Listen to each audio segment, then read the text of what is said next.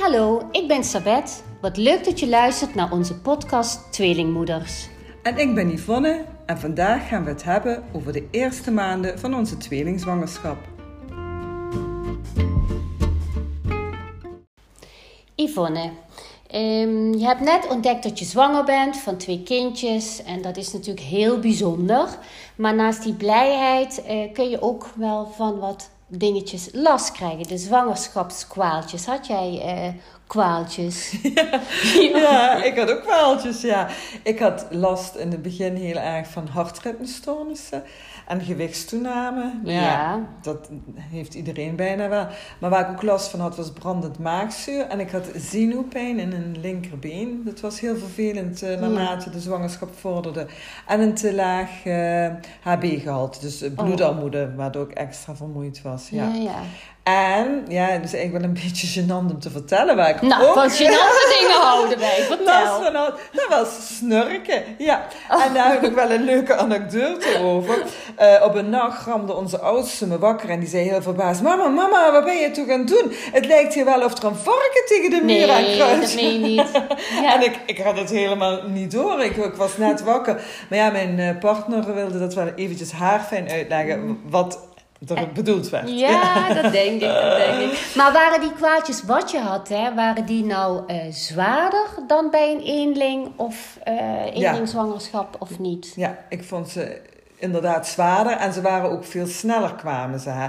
Ik was veel sneller moe, veel sneller eh werd ik zwaarder. Ik vond het alles toch wel zwaarder, letterlijk Ja, ja. en figuurlijk. Ja. Ja, ja. Ja. ja.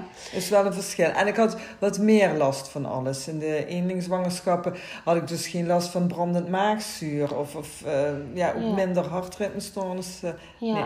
ja. Ja, waar, waar, waar ik vooral last van had, ehm, ja, was dat ik gewoon heel erg misselijk was. Echt Oh. heel erg misselijk. En Um. Eh, zo erg dat ik de eerste, ehm, ja, eigenlijk 9 kilo in het begin afviel. Oh, enorm. En uiteindelijk ben ik maar 12 kilo aangekomen. Zo. Want- Dus eigenlijk maar drie. Als je Eh, eerst eh, sorry, ja, eigenlijk maar drie. Ja, want je bent ja, negen ja, afgevallen, ja, twaalf ja, ja. erbij. Dus drie, dat Ja. is weer heel weinig. Heel weinig. Ik moest echt continu spugen. En het was zelfs zo erg dat de gynaecoloog zei van... we wachten nog één week. En als je dan nog blijft afvallen, dan eh, moeten we je opnemen. Oh, maar dat Ja. spugen lijkt nog zo vervelend, ja. Nou, weet je wat grappig was? We hadden een hond. Ja. En eh, ik ging daarna het eten ging met die hond uit. en overal waar die hond plaste, in de alle heigentjes, Oh, daar moest ik spugen. Oh, Dus, ja. nou, mooi beeld geweest. Ja, het was echt vreselijk. En, ik, en ik werkte toen eh, bij een baas die eigenlijk totaal geen begrip hiervoor had. Dat vond ik wel heel vervelend. Hij had zelf geen kinderen en hij vond eigenlijk ehm, vrouwen die misselijk waren, vond hij eigenlijk maar een beetje aanstellerij. Ja. Dus dat vond ik, ehm, vond ik wel moeilijk. Is ook heel moeilijk. Maar gelukkig nu in deze tijd, hè, we zijn natuurlijk wel een, paar, ja, een aantal jaren verder, is er toch eh, bij werkgevers veel meer begrip en, Ja. eh, en, en medewerking. Ja, dat hè. denk ik ook. Dus Dat denk voor, ik ook. voor de jongeren die nu zwanger zijn, is het wel wat Ja, gemakkelijker. dat denk allemaal. ik ook. Ja. En, ik, en wat ik ook had, was dat ik eh, gewoon heel veel pijn in mijn rug had. slecht slapen, veel plassen. Ja, van, ja, Heel van veel alles. hè. Want ja. wat, wat, jij weet misschien nog wat je nog Ja, kan krijgen. wat wij niet hadden, maar misschien anderen wat wel. ik niet had, maar wat je ook nog kunt krijgen is vocht vasthouden en harde buiken. Maar ja, die hadden wij ook wel op het laatst. Hè. Dat hoort, Ja. ja. Ja, Eh, hoge bloeddruk en eh, veel snelle strea. had ik niet gehad. Nee, nee. En nog iets, vergeetachtigheid. Hè? Kan me niet wel herinneren. dat weet ik niet. Dat ik weet ook niet meer, ik weet het ook niet meer. Ja. Nee, nee. Maar waar ik wel last van had, en dat vond ik wel heel vervelend, ehm, een zwangerschapsmasker. Oh. En dat noemen ze eh, melasma. Ja. En dat komt eigenlijk door de eh, schommelingen in je hormoonhuishouding. Waardoor je bruine vlekken krijgt, vooral op je voorhoofd, je jukbeenderen, rondom de ogen, de bovenlip, de kin. Oei. Het ziet er echt niet mooi uit. Het is echt een, een, een, een, ja, een masker, een pigmentmasker. Het is niet schadelijk en het verdwijnt ook ehm, Gelukkig, na ja. de zwangerschap. Maar een tip is, ja, blijf zoveel mogelijk smeren, smeren, smeren. Zonnebrandcrème, goede filter, hoedje op. En, ehm, Dus de zon vermijden Ja, eigenlijk. eigenlijk de zon Die krijgen door de zon. Ja, oh, ja, oké. ja, ja. ja, ja. En een tweelingzwangerschap, ja, het gaat hoe dan ook toch gepaard met meer symptomen en is risicovoller. Dus je krijgt altijd ook een medische indicatie en dat betekent dat je in het ziekenhuis eh, gaat bevallen en Ja. vaker op controle moet. Tot 26 weken ga je iedere maand naar de gynaecoloog en vanaf week 26 tot week 32 is dat om de twee weken en vanaf week 32 iedere week. Dat was in onze tijd zo en dat is nu ook nog zo Ja. bij een tweelingzwangerschap. Maar ik vond dat eigenlijk heel fijn. Ja. Ik vond, want je Ja. kreeg allemaal filmpjes. Ja. En ehm, ja, ik, ik vond ook dat ik een hele fijne gynaecoloog had. Ehm dokter Zandvoort in. Oh, die ken ik ook, die had ik ook. nou, ja, dat was een schatje, Ja, superleuk. geweldig, geweldig. En die man die gaf je zoveel vertrouwen dat je het aan kon en dat het gewoon allemaal goed zou gaan en dat hij er voor je zou zijn. En ja, ik vond het echt een, een warm bad, die Ja. man. Ja, hij nam ook alle tijd voor je. En echt dat je ertoe deed, inderdaad. Ja, hij nam alle tijd voor Ja. Ja, wat ik al En- zei. Yvonne, wist jij of het een jongen of een meisje of, of twee jongens of twee meisjes zou worden? Nou, met 28 weken wisten we het geslacht... eh, Met de echo van 28 weken wisten we het geslacht van de tweeling. Maar ik had zoiets, mij maakt het niet uit. eh, als ze maar gezond zijn, dat was mijn enige wens. Maar mijn partner die wilde het wel heel graag weten. Dus toen de echoscopiste vroeg van... Wil je het geslacht weten? Nou, ben ik braaf op de gang gaan zitten wachten. Ik denk, nou, jij bespreekt het, maar ik wil het niet weten. Maar het duurde zo lang en zo lang dat ik dacht... Mijn god, eh, er is toch niks aan de hand? Wat gaat dit worden? Dus toen hij de deur opende... Hij, hij stond er niet buiten. Ik dacht, ja, wat is het? Wat gaat het worden? ik, was, ik was helemaal zo... Ja, toen zei je wil het toch niet weten? Ja, maar nu wel. Je bent zo lang binnen gebleven. Dus mijn hele voornemen om te wachten tot de bevalling... Ja, die viel in duigen. dus ik wist het toen Oh, inderdaad. Dus je wist het wel? Ja. Oh. Ja. Ja, ik, ja, wij wisten het eigenlijk niet. Ik wist wel ehm dat we een jongetje kregen, want ik wilde het ook heel graag weten. Maar ehm, van het tweede kindje konden ze het geslacht niet zien. Goh. Want het kindje lag zo dubbel gevouwen eigenlijk. Oh. Ehm, ja, met de beentjes helemaal tegen de, tegen de schoudertjes aan. En, en, en eh, ja, we hebben het niet gezien. Nee. Pas tot eh, de geboorte. Dus het Oh. was gewoon een surprise ehm, tot we een- Ja. een jongen en een meisje Dus had je toch eentje een verrassing. Ja, dat is wel heel ja. bijzonder. Ja, want, want ehm, misschien kan jij dan, Yvonne, uitleggen ehm, het verschil tussen een één-eig en een twee-eig. Want ik had bijvoorbeeld een jongen en een meisje, dat is twee-eig. En jij hebt twee jongens, maar die zijn ook twee-eig. En wat ik vaker heb meegemaakt, ja, dat is echt eh, heel raar. Dan, dan vertel je, oh, ik heb een tweeling, een jongen en een meisje. En zeggen ze van, eh, is het één of twee-eig? Nou, dan denk ik, heb je vroeger niet opgelet tijdens de biologieles? Ja. Nou, ik kan het uitleggen en eh, ik lees het even op hier uit het boekje van mij. Hè. Eén of twee eig. Al vroeg in je zwangerschap is bij de controle te zien of je tweeling één of twee eig is.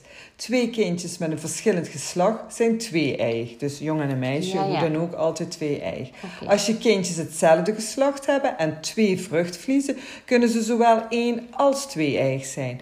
En bij slechts één vruchtvlies is je tweeling één eig. Als het na de gebo- geboorte van de kindertjes nog niet duidelijk is of het één of twee eig is, dan wordt het bloed van beide navelstrengen onderzocht op rhesusfactor en bloedgroep. En als deze verschillen, dan is je tweeling twee eig. En zijn deze hetzelfde, dan is het een één eigen Oké, tweeling. Oké. Ja, Dus Ja, ja. zo zit het in elkaar. Ja. Nou, dan heb ik nog een andere vraag. Eh, ben je veel bijgekomen? Oh, ja, dat, ik was veel, heel veel bijgekomen. Ik ehm, best wel veel, zo'n 20 kilo. En ik vond het echt vreselijk. Want ik had, ja, ik heb een, toch wel een beetje een haat-liefde verhouding met eten. En altijd veel met de lijn bezig. Dus voor mij was het wel een, een, een dingetje. En op de helft van de zwangerschap, week 20, toen woog ik al net zoveel als met de eenlingzwangerschappen. Dus, dat, ja, dus ik vroeg me wel eens af, oh mijn god, waar moet dat toch Ja, heen allemaal? Ja, ja, ja. Maar ja, hoe dan ook, als ik jullie aanstaande tweelingmoeders een geruststellend advies mag geven, maak je daar niet te druk Nee. over. Eet gezond, beweeg voldoende, zorg voor voldoende ontspanning en laat de kindertjes lekker in je buik groeien. En dat komt na de bevalling helemaal goed. Ja, dat zeker. heb jij toch ook ja, meegemaakt? Nee, tuurlijk. Na de bevalling komt alles weer, eh, alles weer goed. Heeft soms een beetje tijd nodig. Ja. Moet je soms wat voor doen. Maar eh, uiteindelijk eh, Komt komt, alles dus alles prima. Hey, maar misschien over dat bijkomen. ehm, wij hadden een vraag, heel erg leug, van Oh, een wat leuk. Luisteraar. Ja, we zijn nog niet zo lang bezig, maar dan toch al een luisterarenvraag. Dat vind ik wel heel leuk. Heel leuk, ja. Eh, van, even kijken, van Loes van Kolkbergen. En die vraagt, hadden jullie tijdens de zwangerschap last van food cravings? Food cravings. Nou, Oeh, kijk, eh, wij zijn al wat oudere moeders. en eh, wij weten eigenlijk natuurlijk niet zo goed wat food cravings zijn. Nee, En- nee. Maar ik heb het even opgezocht. En wat zijn food cravings? Food cravings zijn een sterk verlangen naar het eten of drinken van bepaalde producten. Je eet of drinkt het liefst de hele dag, ja, in grote hoeveelheden en je vindt het geen probleem om wat extra moeite te doen om het product te bemachtigen. Dat weet ik. Dus eigenlijk, ja, food cravings zijn eigenlijk dus een soort eh vreedbuien. Ah, dat ken ik wel, dat ken ja, ik wel. en dat heeft te maken met je eh, veranderde eh, hormoonhuishouding. En je smaak kan veranderen, de reuk kan veranderen. Bijvoorbeeld, je kan iets lekker vinden tijdens je zwangerschap, wat je daarvoor heel erg vies vond, of andersom. En ik had eh, inderdaad heel veel last van food cravings.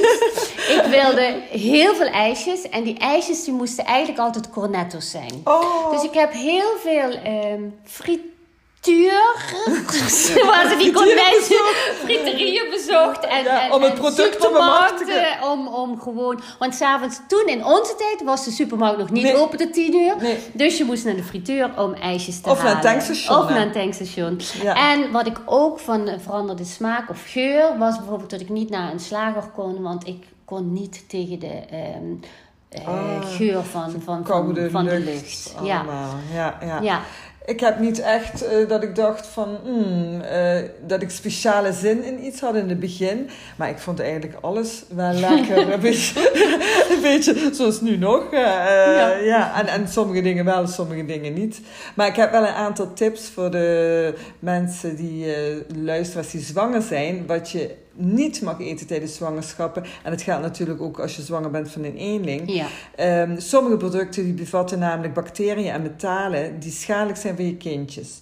En de volgende voedingsproducten kun je beter laten staan of zoveel mogelijk vermijden. En dat zijn zachte kazen van ongepasteuriseerde melk, Ja. rauwe eieren, rauwe kip, rauw vlees, rauwe groenten en gerookte kant-en-klare vis, sushi en lever. En dan zo min mogelijk eigenlijk koffie en andere cafeïnehoudende drank en natuurlijk alcohol. En eh, wat dacht je van niet roken? En Lijkt het allerliefste. Ja. natuurlijk niet roken. Dat is Ja.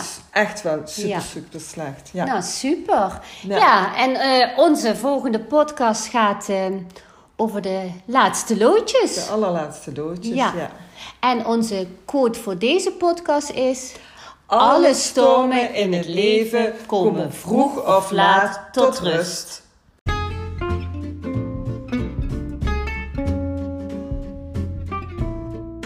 Aan alle tweelingen, tweelingmoeders en vaders, ouders, opa's en oma's en iedereen die luisteren wil. Lijkt het je leuk om je tweelingverhaal bij ons te delen? Heb je vragen of ideeën? Mail dan naar tweelingmoeders.gmail.com En deel deze podcast en vertel het rond. Blijf vooral luisteren naar onze podcast waarin we onze ervaringen als tweelingmoeders met jullie delen. Hartelijk dank voor het luisteren. Bedankt Yvonne. En Sabet ook hartelijk bedankt.